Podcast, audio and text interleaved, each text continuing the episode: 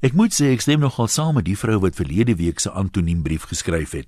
Ek verlang ook glad nie terug na die sogenaamde goeie ou dae nie. Veranderings en nuwe uitvindings sal per slot van rekening nooit gebeur as dit nie as verbeterings gesien was nie. Het jy al ooit gehoor dat iets bemark word as swakker as sy voorganger? Die nuwe hapmobiel, nou weer net so swaar op petrol soos in 1970. Verlede week se brief het my egter aan die dink gesit oor iets anders. Hulle sê altyd die geskiedenis herhaal homself en daar's talle voorbeelde. Ek is nou wel nie 'n geskiedeniskenner nie, maar ek kan nie aan een voorbeeld dink waar mense bly was die geskiedenis herhaal homself nie. Dis eerder dieselfde foute wat oor en oor gemaak word. Dit wil speel ideologie en geloof 'n rol. Al predik daai einste geloof vredesame naasbestaan. En voor ons nou na hulle vinger wys, dink 'n bietjie oor die geskiedenis van geweld tussen die Christelike broeders, soos die protestante en die katolieke. Kyk net maar na die onvermoë van mense met verskillende oortuigings om in vrede saam te leef, wat nog te sê saam te staan. En weer eens, voor jy begin praat van hulle, gaan kyk 'n bietjie hoekom hulle sê afstigting is die Afrikaner se nasionale sport. Sien nou net die era van imperialisme herhaal homself.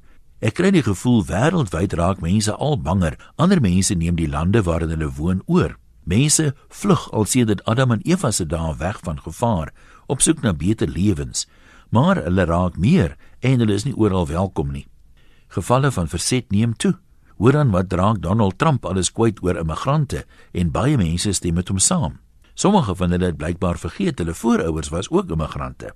In Duitsland skree 'n man, "Ek is 'n Duitser, weg met buitelanders," voor hy wild begin skiet in 'n eetplek. Vergeet vir die oomblik van terroriste organisasies. Dis laat in die dag as individue bedreig genoeg voel om sulke irrasionele dade te pleeg. Ongelukkig is daar talle tekens dat dit gaan toeneem en dit gaan jou een of ander tyd raak. Wat maak jou dan nou so besonders? Die wêreldgeskiedenis is deurspek van oorloë en lang tye van stryd tussen verskillende belangegroepe. Dit word oor en oor herhaal. So hoekom kan ek en jy nie ook slagoffers daarvan word nie? Dit klink nou vreeslik dramaties, maar hoekom kan daar nie 'n derde wêreldoorlog wees nie? But look on the bright side. Met vandag se wapens sal dit dan seker van korte duur wees voor alles verwoes is en ons weer kan begin bou. Dit verg mos gemeenskaplike nood voor mense kan saam staan en saam opbou in plaas van afbreek. My brief klink dalk depressief, maar eintlik voel ek nou baie beter.